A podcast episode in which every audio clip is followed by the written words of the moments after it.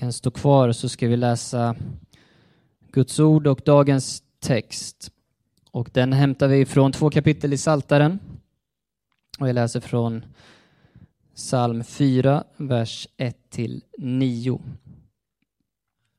Gud, du har alltid försvarat mig och gett mig rätt. Du har alltid tagit hand om mig i mina svårigheter. Hör mig nu ännu en gång när jag ropar till dig. Var barmhärtig mot mig och hör min bön. Herren Gud frågar, ni människor som har makten i landet, hur länge ska ni förolämpa mig och tillbe dessa löjliga avgudar som inte kan göra någonting och som är helt och hållet falska?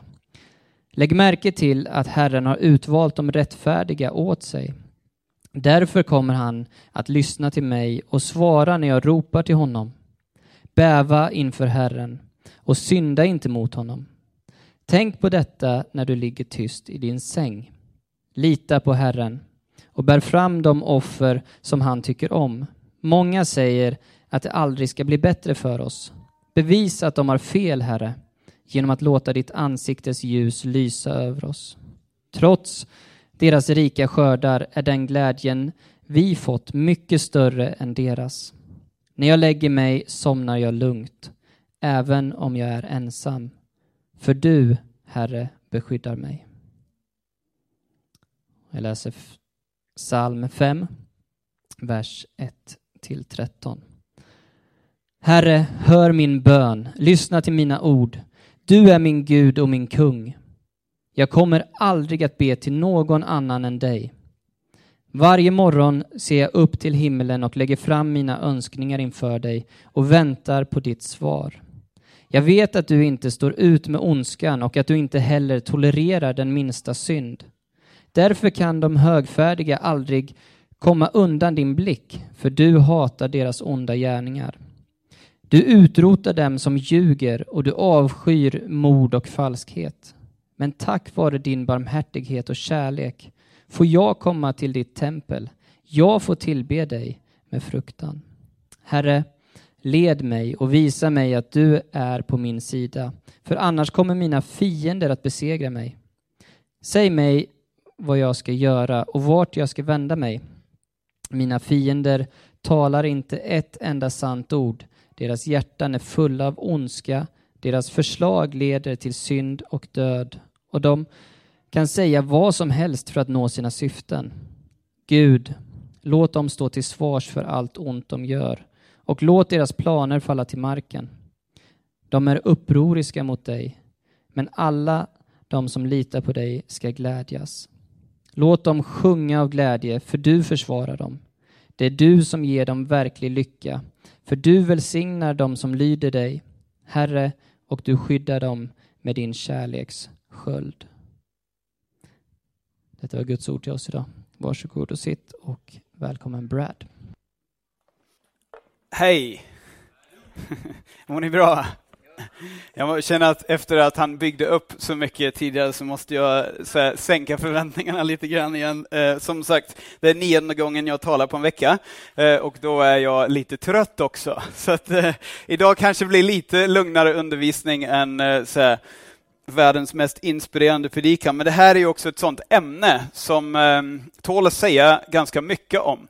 Och eh, vi har kommit till eh, det sjätte delen i den här serien. Vi kommer tillbaka till de här texterna om en stund. Vi kommer inte hinna gå igenom dem vers för vers, men vi kommer titta lite på dem och varför vi läste just dem. Men, eh, men det är extra passande tycker jag att prata om eh, vår fader på Fars dag.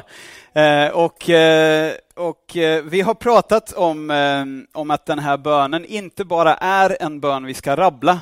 Det är inte så mycket mantra, utan det är mer mall. Eh, det är mer en, en guide hur vi kan tänka när vi ber, vilka saker vi kan tänka på att be för och vilka saker vi kan be utifrån. Sen är det väldigt bra att upprepa den ord för ord för att påminna oss om det. Men, eh, men det finns så mycket mer också som man kan be utifrån den här bönen, utöver att bara be själva bönen. Och det hoppas jag att ni ska ska få känna även idag. Jag har känt så vecka efter vecka att liksom man har packat upp en massa saker i varje rad, eller hur? Som man verkligen har känt, ja det var mer än bara en rad det där. Det var ju hur mycket som helst i, i den. Och så känns det även idag. Så vi får se om vi hinner med. Ska försöka med det. Eh, raden vi ska titta på är eh, Ge oss idag det bröd vi behöver. Eh, I en del översättningar står det Ge oss idag vårt dagliga bröd. Och hela serien handlar om bön, det har vi uppfattat. Men det här handlar lite extra kanske just om eh, den dagliga bönen och det dagliga brödet. Och eh, det är det vi ska titta på. Jag vill inte be er räcka upp handen. Eh, men är det någon som någonsin har, ni kan känna efter, fundera, tänka, kämpat med den dagliga bönen och att få till en regelbunden daglig bönestund någon gång. Några skrattar, några nickar. Som sagt, ingen behöver ge sig till känna. Jag tror att jag kan bara säga det rakt ut, att alla har det, för att jag vet hur det är. Och eh, jag hoppas att idag ska hjälpa oss att liksom kanske få nya perspektiv. Det är ingen piska, utan det är mer förhoppningsvis en inbjudan. Ehm, Igår så, så kom jag, jag kom hem från Ryssland sent på fredagen och hade varit borta i fyra dagar. Eh, och då eh, kom barnen in till eh, oss igår morse i vanlig ordning, alldeles, alldeles för tidigt på morgonen. Eh, och eh, vi har dessutom, en, för de som inte känner mig, vi har tre pojkar, en som är fem, en som är snart fyra och en som är åtta månader. Och det är inte jättemycket sömn på nätterna. Eh, det hjälper inte när den yngste inte går på toa på fem dagar, så att han ligger och stönar hela natten. Eh, det kan vi ta en annan gång. Men det har varit en ganska så här, tung natt. Eh, jag har inte sett mina barn på fyra dagar. De kommer kommer in på morgonen och så märker jag att de är avvaktande och liksom lite så här, och det enda jag vill göra är bara krama dem. Jag vill så locka över dem på min sida av sängen. Skit i mamma, skit i bebisen, kom hälsa på mig. Jag vill kramas, jag vill gosa, jag vill vara med er. Och båda två är så lite avvaktande och bara tittar och jag bara, kom igen, kom, kom hit, kom hit vet jag. jag. Jag beordrar dig, kom hit liksom. Och de, de kommer inte och de håller på att heja på bebisen och kela med sin mamma och jag bara, men kom igen, vi har inte setts på fyra dagar. Eh, och då, vi har facetimat en gång vi hade messat eh, några gånger på Saras telefon. De, de brukar gå in och, och, välja massa emojis och skicka. Eh, och då, då är det oftast glada gubbar. Det är den här eh, lila gubben med horn och så är det, och så är det massa bajshögar. Det, det är det jag brukar få. Så skickar jag självklart bara hjärtan och så leenden och pussar och sånt tillbaka. Men, eh, men vi inte setts på fyra dagar och så är de lite avvaktande. Och det är nästan som att de känner sig, ja men du har svikit oss. Du har inte varit här på fyra dagar. Det är inte liksom det normala i en pappa-son-relation, att man inte ses på fyra dagar. Det är inte rätt. Och det är som att de ska ge igen lite för det. Sen så nu är de hur kramiga som helst idag och liksom verkligen vill ha jättemycket närhet. Men, men det är som att min frånvaro har gjort dem lite försiktiga och skapat en distans. För det naturliga är daglig kontakt. Och eh, ni som lever i någon form av relation har säkert hört det här att, att nyckeln till en bra relation är kommunikation. Eller hur? Någon som känner igen det? Man ska prata med varandra, man ska träffas. Eh, det är så i en kärleksrelation. Eh, jag och Sara, om vi inte pratar på flera dagar, då blir det en liten distans där. Ehm, det innebär inte att vi kan köra tre timmars långa middagar med så här, tända ljus varje kväll. Ibland blir det liksom tre minuter över ett blöjbyte eller när man borstar tänder på barn eller vad det nu är. Men, men man växlar ord varje dag och förhoppningsvis får man en stund, kanske på morgonen, och stämma av lite vad händer idag? Behöver du något från mig? Och, liksom hur, och så på kvällen, hur har det gått? Har det hänt någonting? Är det, och det försöker man ändå få till i de flesta relationer. Vi lyckas inte alltid, men han försöker. Och Jag tror att det är likadant med Gud. Jag tror att eh, i det här fallet är det inte han som varit borta, utan det är oftast vi som varit borta. Kanske inte bara fyra dagar heller, utan ibland har vi varit borta väldigt länge eh, och skapat den här distansen. Men det enda han ville bara ropa på oss, kom över på min sida, jag vill gosa med dig, jag vill krama dig, jag vill prata med dig. Och det mest naturliga som finns i en pappa-son-relation, eller en pappa-dotter-relation, är att, att prata med varandra, eh, att få den där närheten. Och Det är det som den dagliga bönen egentligen är, tror jag. Det är ett relationsbyggande och det är kommunikation.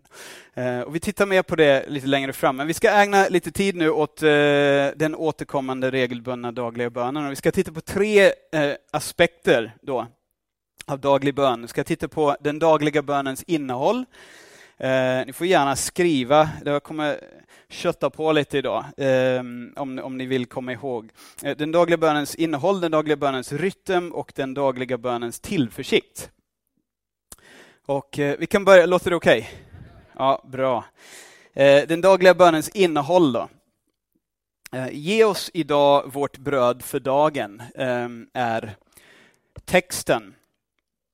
Och bara inledningsvis på den här biten, så första halvan av Vår Fader som vi har hört, eh, den är lite mer proklamativ. Det är liksom saker om Gud. Det är Gud, du är, du är stor, det är ditt namn som ska bli helgat, du är fader, låt ditt rike komma, låt din vilja ske och så vidare. Och nu går vi över lite mer i en, eh, att be Gud om saker, eh, att, att fråga efter saker.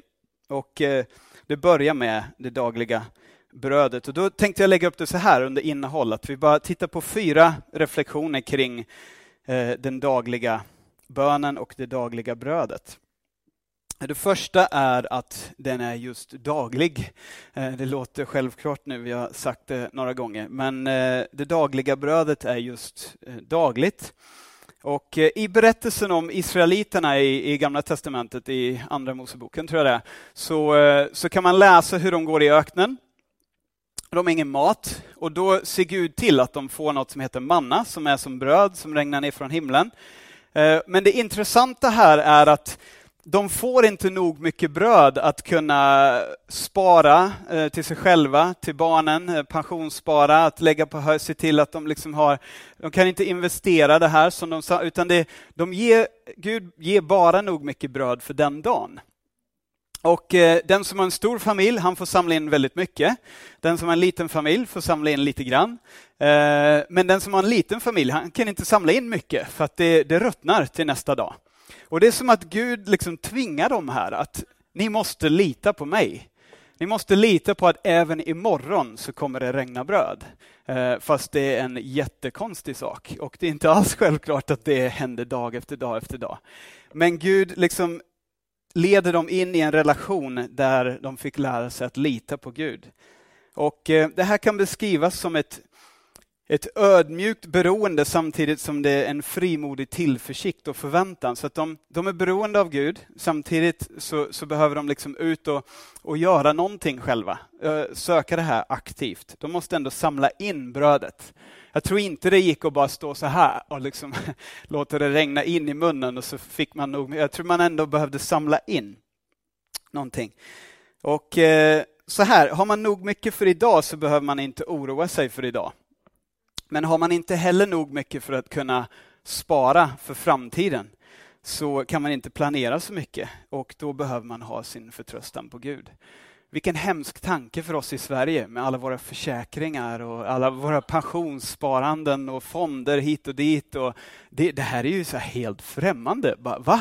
Får man inte ens spara för liksom en vecka framåt? Eller vad är det de säger? Man ska, jag vet inte för jag har aldrig varit där, men man ska ha typ en, ett halvårs löner på banken liksom ifall att eller något sånt där. Eh, hade varit fantastiskt.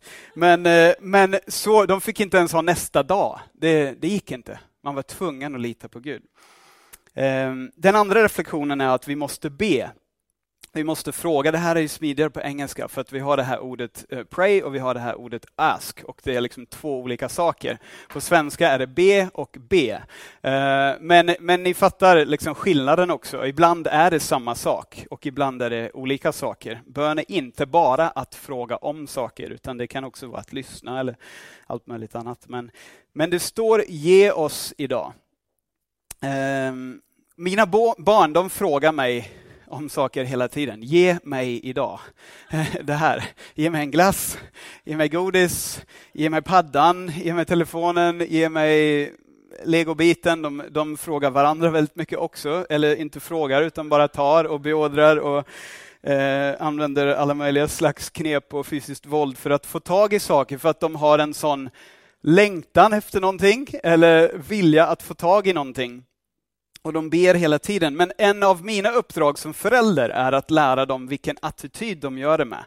Eh, tonfall, liksom sätt att be eh, om saker på etc. Inte bara om de får det eller inte, utan hur man frågar.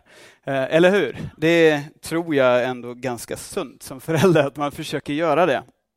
Och, eh, och här finns det diken. Det finns de här vilka har varit i affären och liksom sett den här ungen som bara lägger sig på golvet och bara vrålar om de inte får det de vill. Och bara, jag vill ha glass och godis och lego och liksom, jag vill ha allt. Och föräldern bara, ja men visst du får, bara du är tyst, håll ja, tyst bara. Jag vill inte göra bort mig här. Var tyst så får du vad du vill. Och så finns det andra barn som knappt vågar fråga sina föräldrar om någonting överhuvudtaget. Eh, när mina föräldrar växte upp, då var det så här, children should be seen and not heard. Det var så man sa. Man skulle inte prata om man var barn, man skulle bara se fin och from ut och sitta i ett hörn. Och kanske uppträda någon gång om man var duktig på någonting, men, på någon fin middag eller någonting. Men man skulle inte höras någonting. Och, och de här dikarna tror jag finns i, i, i kyrkan eller hos oss kristna också, i hur vi relaterar till Gud. Eh, jag tror det finns ett dike där, där man menar att det är vår rätt att få allt vi vill i Jesus Kristus. Vi, vi är liksom medarvingar med honom och då ska vi få allting vi vill. Inte allt vi behöver, utan allt vi vill. Och eh, om vi bara tror nog mycket och ber nog mycket och claimar nog mycket, ja då kommer vi få det vi vill, för att det är vår rätt. Det är liksom självklart att vi ska få det, nu. Eh, och andra menar att vi ska leva i fattigdom och aldrig be om något och bara passivt acceptera att det är som det är, jag har det jag har och liksom, jag ska nöja mig med det. Men vi ser inte det i Bibeln, utan vi ser båda de här sakerna. Vi kommer tillbaka till det. Men det kan vara bra att notera att det inte står vi kräver idag vårt dagliga bröd. Men det står inte heller att vi vill inte ha någonting, utan det står att vi ska be eh, och fråga. Det kan också vara bra att komma ihåg att vi får det vi får genom, som en gåva genom nåd. Det är evangeliet. Vi förtjänar egentligen ingenting, men vi får hur mycket som helst som gåva från Gud. Eh, den tredje reflektionen är att det handlar om bröd. och eh, det är en väldigt enkel vardaglig sak. Jag vet att både Jakob Ceder och Linnea bakar surdegsbröd. Jag har sett fina bilder på Instagram. Och eh, det, det, man ska inte liksom nedvärdera en brödbit, för att vem vet att en fin bit surdegsbröd med en god kopp kaffe, det, man kommer väldigt långt på det. Eh, men det är ändå ganska enkla saker. Det, det står inte, och det här är inget du får aldrig äta något annat än bröd. Men det står inte ge oss idag vår oxfilé eller något annat superlyxigt. Ehm, det, det är ganska enkla saker. Och en del menar, Augustinus bland annat, en gammal gubbe i början på kyrkans historia på 300-400-talet. Han, han sa så här, eh, det här brödet är en metafor för the necessities of life and not the luxuries of life. Alltså att eh, det är saker vi är beroende av dagligen som vi uppmanas att be om här. Precis som mannat i, i um, öknen. Och jag tror också det här är en bra bild att, eh, och en påminnelse att det finns faktiskt en enorm tillfredsställelse i en ganska enkel sak. Att vi kan leva enklare liv än de vi tror att vi behöver leva för att vara lyckliga och eh, faktiskt skapa utrymme för fina enkla saker i våra liv som vi kan vara tacksamma för. Och eh, inte minst när man har bakat brödet själv, eller hur Jakob? då, då är det extra trevligt. eh, Ordspråksboken 30, 7-9 säger så här. Gud, jag, äls jag älskar de här verserna, de är så sjukt bra. Eh, Gud, jag ber dig om två saker från dig innan jag dör. Hjälp mig för det första att aldrig ljuga. Ge mig för det andra varken fattigdom eller rikedom. Ge mig bara vad jag behöver. Om jag blir rik kan jag ju tro att jag klarar mig utan Herren. Och om jag är alltför fattig kanske jag börjar stjäla och på så sätt vanära Guds heliga namn. Visst är det bra? Och det kanske inte bara stjäla, utan det kan också vara att vi tar lite mer så att någon annan får lite mindre. Det kommer vi till också strax.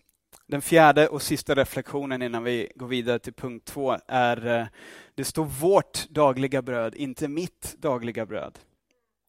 Och Martin Luther han menade att det finns en stark social sida eller betoning i det här. Att eh, Hans tes det var att det inte bara handlar om mitt bröd utan bröd till alla runt omkring i min stad, min familj, min omgivning, min community. Att det här handlar om att aktivt be om saker, inte bara till mig själv utan att lyfta blicken lite och vidga hjärtat lite och be Gud också möta behov hos andra människor, inte bara hos mig själv. Det kan vara allt från att eh, be om en starkare ekonomi i landet, till flera jobb för de som inte har jobb, till vård och välfärd, till bostäder, till tak över huvudet för någon som inte har det. Det kan vara även saker som att dela med sig med de som inte har någonting. Att man eh, ber Gud påminna en om det. Att ingen ska exploatera andra människor med mindre. Det finns alla möjliga industrier där man, om man börjar rota så, så finns det mycket sånt. Eh, och att ingen ska vara girig och samla på sig mer än vad de behöver. Det kan vara att man ber att Gud hjälper oss att komma ihåg att betjäna andra och att vi ska engagera oss för dem vars dagliga bröd tas ifrån dem. Och plötsligt finns det ett helt annat djup i en enkel rad i den här bibeltexten, eller hur? Plötsligt öppnas en hel värld för oss. Det är fyra korta reflektioner kring vårt dagliga bröd och vad det kan innebära. Men en annan sak jag vill bara anknyta till innan jag kliver vidare in i punkt två är det som Viktor pratade om förra veckan. Eh, jag var inte här på plats, jag var på en barnvälsignelse i Örebro. Eh, men eh, jag lyssnade sen på, på Viktor och det var så sjukt bra och så sjukt jobbigt samtidigt. Att få höra om att leva liv där vi ber att Guds vilja ska ske och inte vår. Ehm, det, det är inte mitt defaultläge, ska jag säga. Att bara, ja men Gud, som du vill. Utan ge mig det jag vill. Men det finns de som menar också att det är intressant att innan man går över i andra halvan av den här bönen, där man börjar be om att få saker, så har man precis sagt låt din vilja ske och lagt det som en grund. Och vissa menar att det, det, är som att vi vet att vi inte alltid vet vad vi ska be om, eller be för, eller vad som är bra för oss.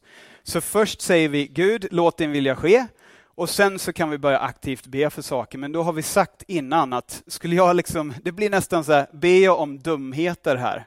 Lyssna inte på det, för att jag, jag vill egentligen det här. Jag vill att din vilja ska ske. Sen så kommer jag aktivt be om andra saker, men är ni med? Det, det är en bra poäng tycker jag. En bra tanke. Så all bön som eh, handlar om att fråga om eller be om saker så är det bra att komma ihåg att han vet eh, vad vi behöver mer och vad vi borde vilja ha mer än vad vi gör. Punkt två, är ni redo? Går det bra? Bra. Eh, den dagliga bönens rytm ska vi titta på. Och anledningen vi läste de två psalmerna tidigare, psalm 4 och 5, eh, det är dels för att eh, påminna bara att Saltaren är en sjukt bra bönebok. Det är världens äldsta bönebok, eh, kanske bland kristna, och den, den boken som den kristna kyrkan har bett utifrån regelbundet eh, genom tideböner och olika sätt att be på under väldigt, väldigt lång tid. Och eh, på samma sätt som Herrens bön så är det en väldigt bra mall. Man kan bara be rakt av det som står i texterna, men man kan också använda det som en, en liksom guide, vilka saker man kan tänka på att, att be. Eh, men den andra anledningen vi använder just psalm 4 och 5 är att eh, det finns de som menar att det är en kvällsbön och en morgonbön och att vi hittar en del av bönrytmen i de här två texterna.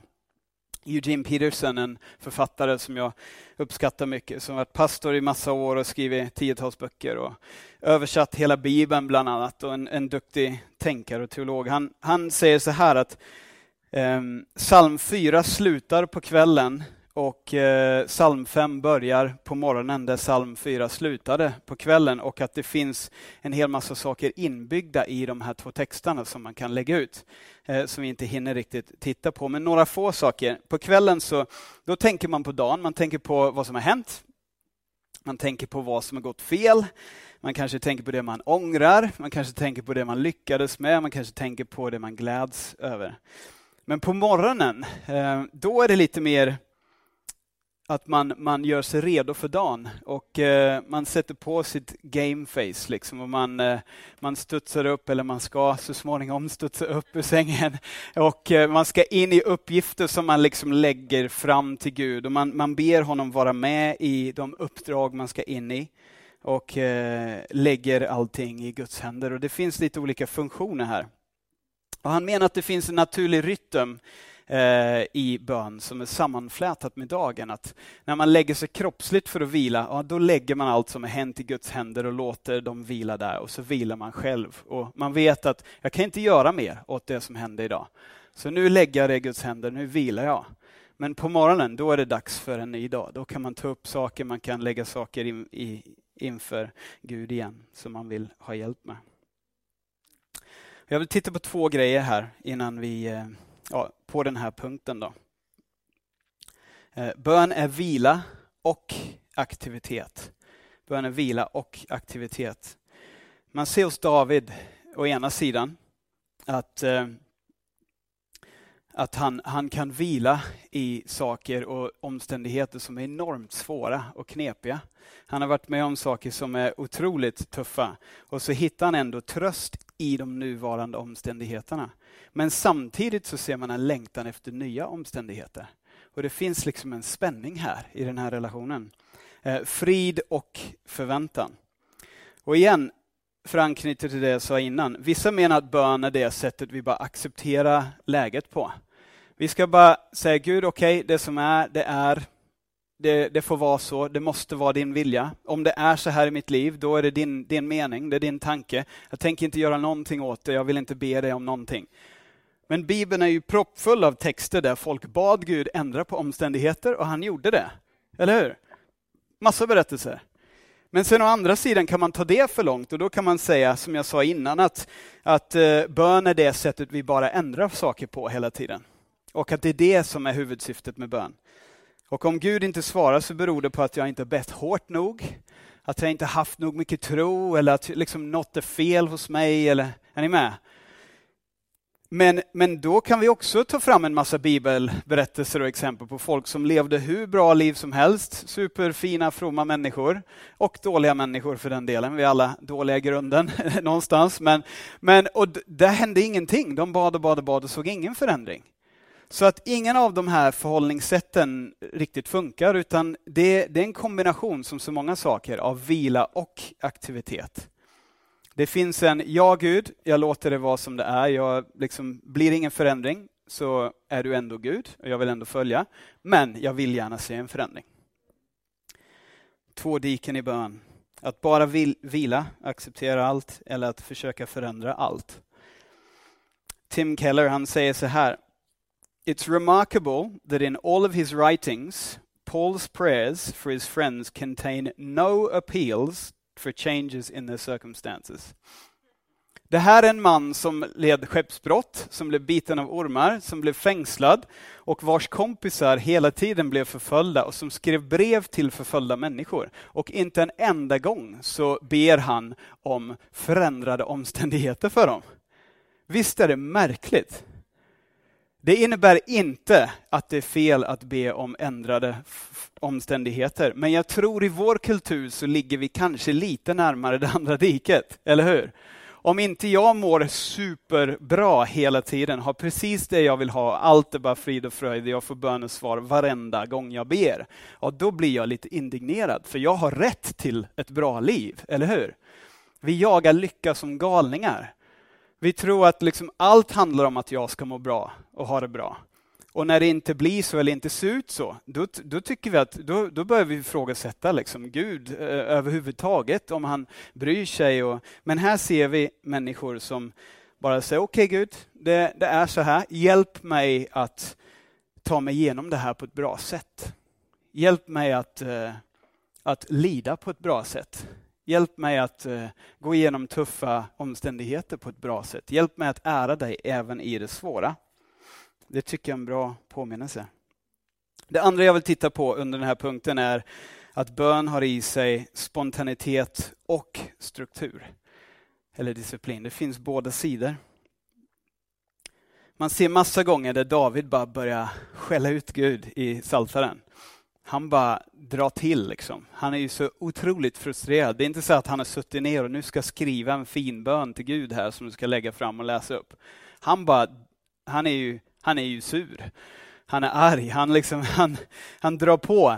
Man ser också i texten vi läste att han suckar. Och en suck, ni vet, ni vet hur det är när man suckar, eller när man är med en människa som suckar hela tiden. Hur det känns, eller hur? Så här, ja, du är rätt missnöjd just nu och du kan inte ens hålla det tillbaka. Du, du liksom, det är oftast en ganska spontan sak som man gör när man är frustrerad, irriterad, trött, o, liksom missnöjd. Och det ryms tydligen i Davids böneliv. På samma sätt som utskällningar ryms. Men vi ser också att han landar ofta i Gud, du är bäst, du är störst, du, jag litar på dig, det blir jättebra, det är bra att du är i kontroll, lyssna inte på mig. Liksom. Ja, men, typ så. Eh, och vi ser också vers 4, psalm 5.4. Varje morgon ser jag upp till dig i himlen och lägger fram mina önskningar inför dig och väntar på ditt svar. Så det finns en struktur här, varje morgon. Så vi ser en rytm i den dagliga bönen. Den är liksom spontaneously disciplined, om man kan säga så. Och den är restfully active. Ehm, den är, det finns liksom en vila, men också ett agerande i det.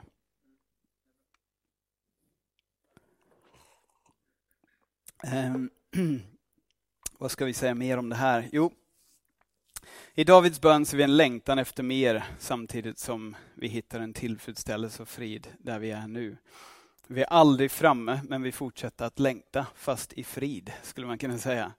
Och eh, det här är en utmaning för oss i vår kultur. Vi, vi uppmanas att alltid eh, se mer, göra mer, utvecklas. Vi ska göra karriär, vi ska vara duktiga makar, vi ska vara duktiga föräldrar. Vi ska utbilda oss samtidigt som vi är hur vältränade som helst. Men vi är också insatta i allt kulturellt, läser alla böcker, hänger med på vilka som får Nobelpris. Eh, vi äter bra kost, vi handlar bara bra saker. Vi har läst på innan om vad vi handlar ni, ni fattar, det är rätt svårt. Och så handlar allting om att vi ska se bra ut eller vi ska må bra. Och i det då, att också bara vila i att nej men även när allt inte är bra, så är Gud bra. Det är en utmaning. Och Det här spiller även över i bönelivet. Magnus Malm, och nu kommer jag citera väldigt, väldigt fritt här och inget liksom direkt citat, men i sin bok Kännetecken som är, väldigt bra eh, så, så pratar han om att även bönelivet kan vara på det här sättet. Även bönelivet kan vara en sak där vi, vi tänker det perfekta bönelivet, det är liksom mitt mål, det jag ska utveckla, det jag ska liksom lyckas med. Ett perfekt böneliv. Någon som varit där? Man har liksom gjort den här ansträngningen efter man har hört någon predikant som har sagt att han ber fyra timmar om dagen eller vad det nu är. Jag ska också göra det.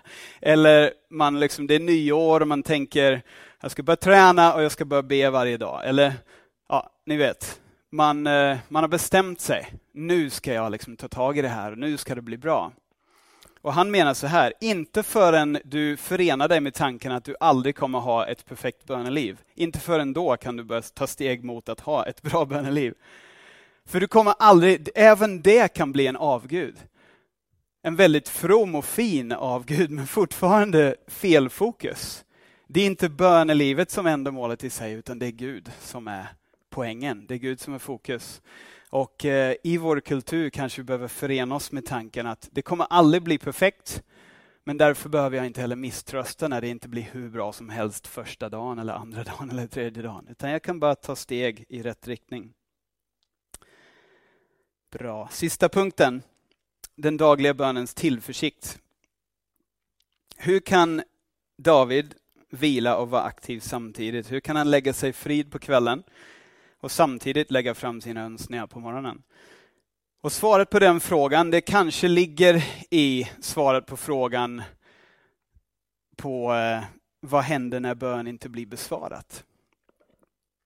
Har någon någonsin bett en bön som inte har blivit besvarat eller där man inte har kunnat se ett svar? Så vet ni den känslan. Gud, jag vill ha en bostad, man hittar ingen bostad. Gud, jag vill gifta mig, man hittar ingen att gifta sig med. Gud, jag vill ha ett barn, man får inga barn. Gud, jag vill ha ett nytt jobb, jag vill ha vad det nu är, jag vill bli frisk nu. Och så blir man inte det. Vi har nog alla varit med och kanske är med om det just nu. Det kanske pågår just nu att du ber om någonting och du ser inte det. Du ser inga svar på den bönen. Och det är enormt utmanande och frustrerande när vi inte ser någonting. John Calvin han sa så här, God grants our prayer even if he doesn't always respond to the exact form of our request. Even when he does not comply with our wishes, he is still attentive and kindly to our prayers, so that hope, relying upon his word, will never disappoint us. Tim Keller skriver kanske lite mer koncist. God will either give us what we ask for or give us what we would have asked if we knew everything he knows. Visst är det bra? Det finns fler som har sagt liknande saker. De citerar varandra, eller ja, Keller citerar de som levde flera hundra år tidigare, inte tvärtom. Eh, men eh, Gud ger oss det vi hade bett om vi hade vetat allt som han vet. Ibland är svaret ja, ibland är svaret ja, det är inte riktigt rätt grej att be om, jag har något bättre.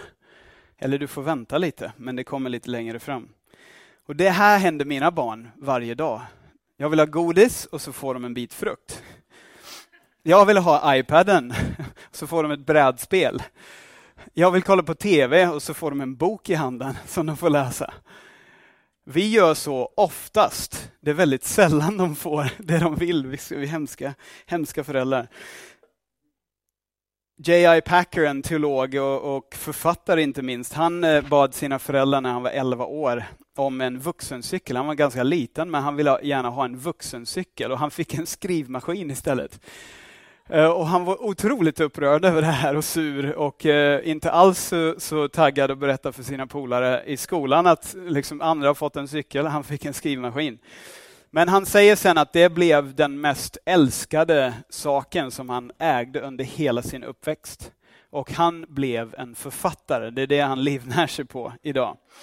Och ibland så är det inte så att föräldern inte hör utan att de vet vad vi behöver och de ger någonting bättre. Gud hör, Gud bryr sig och Gud ger antingen det vi vill ha eller det vi hade bett om, om vi visste allt han vet.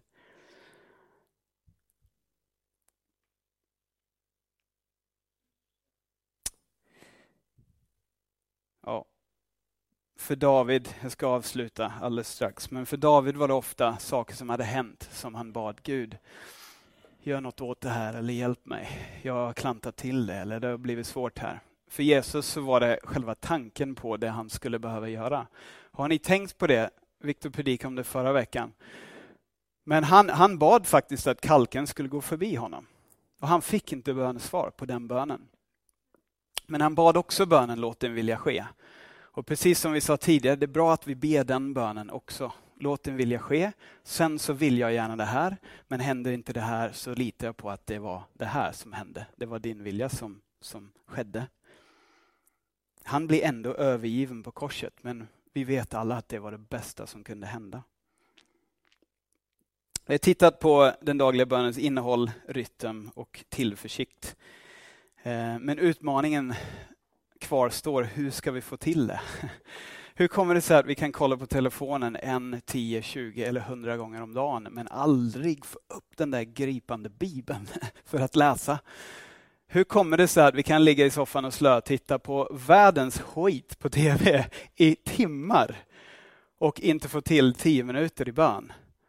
Det är ingen piska, det är, bara, det är så det är. Det är därför vi ber syndabekännelsen varje söndag. Det är därför vi kommer hit och hjälps åt. Det är därför vi försöker skapa en kultur där vi kan stötta varandra här. För vi är rastlösa, vi är självupptagna eh, och vi är liksom fixerade med att saker ska hända nu och det ska hända på det sätt som vi vill. Men vi behöver fostras i något annat. Så jag vill bara ge eh, ett par sista citat så ska vi be och ta nattvard tillsammans. Men Keller säger också prayer gives us relief from the melancholy burden of self-absorption. Alltså att där kan vi få en fristad från att hela tiden tänka på oss själva. Och det tror jag vi alla behöver, eller hur? Men Eugene Peterson han säger så här, istället för att bli sur och ta det som liksom en piska eller att jag, jag är för dålig. Jag ska bara läsa några rader. Jag ber om ursäkt att de är på engelska. Jag kommer inte lägga upp dem för då kommer ni inte hänga med riktigt. Ni läser och jag läser en annan takt. Så jag ska bara läsa dem avslutningsvis. The Psalms, you realize, are all common prayers, congregational prayers. They might have started out with just one person praying, but very soon they got into the common life of Israel. This privatization of prayer in our culture is a huge mistake. It puts too much of a burden on you, and it robs you of the reality of the community of heaven. This takes a great burden off of you. You might be asking, Why am I so terrible at prayer? Well, maybe you are, but your friends are not. And together, communal prayer is essential if we're going to have a robust and strong prayer life. He goes on to say, Don't despise fixed prayers. Among most evangelicals, they don't think fixed prayers are real prayers. You don't feel like praying. Well, you don't have to feel like praying. Just pray the Psalms. Fixed prayers have always been an important part of the church's life Mary's prayer, Simeon's prayer, the Lord's prayer. You're not in charge of this. You're not. The Trinity is. God is. So don't feel embarrassed or second rate if you pray Simeon's prayer. Oh, Här. It's a pretty good prayer. You won't do much better on your own. det är fantastiskt. Det tar bort lite den här bördan. Och jag vill avsluta med det här för att ingen av oss lägger ansvaret på oss själva att skriva nya lovsånger varje gång vi kommer till kyrkan. Eller hur? Nej, vi hakar på för att någon annan kanske har lyckats få ihop det jag längtar efter, tänker på och vill uttrycka ännu bättre än vad jag själv gör det. Vi människor är ändå ganska lika så att vi kan hjälpas åt att skriva bra lovsånger. Och likadant med bön. Så Eugene brukar säga så här, har du svårt att be? Ja, kom till kyrkan. Kom på gudstjänst. Gå till connecten. Träffa en kompis och be ihop. Be med den du bor med. Ha andaktsböcker vid frukostbordet. Ha tidebönsboken till hands hemma. Jag har till och med kontemplativa lästa böner på min iPhone så att jag kan lyssna på dem när jag inte får till det själv. Kolla bönerna vännerna i församlingen lagt upp på sina bilder på sociala medier. Ta all hjälp du kan få. Vi, vi ska inte klara det här helt själva utan vi kan göra det tillsammans. Och till sist så säger Eugene så här. Han säger att bönen, kyrkan är bönens laboratorium. Och vi brukar säga att det är här vi kalibrerar oss för livet. Och eh, låt det vara så. Connecten, gudstjänsten, de olika forumen som jag pratade om. Vi ber tillsammans. Gud, lär oss att be. Hjälp oss att hjälpa varandra att be. Och låt oss ta med hela innebörden av det du kallar för vårt dagliga bröd, Gud. Hjälp oss att vara aktiva men också vila, Gud. Hjälp oss att ha spontanitet men också ha disciplin och struktur. Och Gud, hjälp oss att ha både förväntan inför det som vi vill se hända men också frid över det vi ser, Gud. Och Gud, låt oss lita på dig när vi inte ser svar och tacka dig när vi ser svar. I Jesu namn. Amen.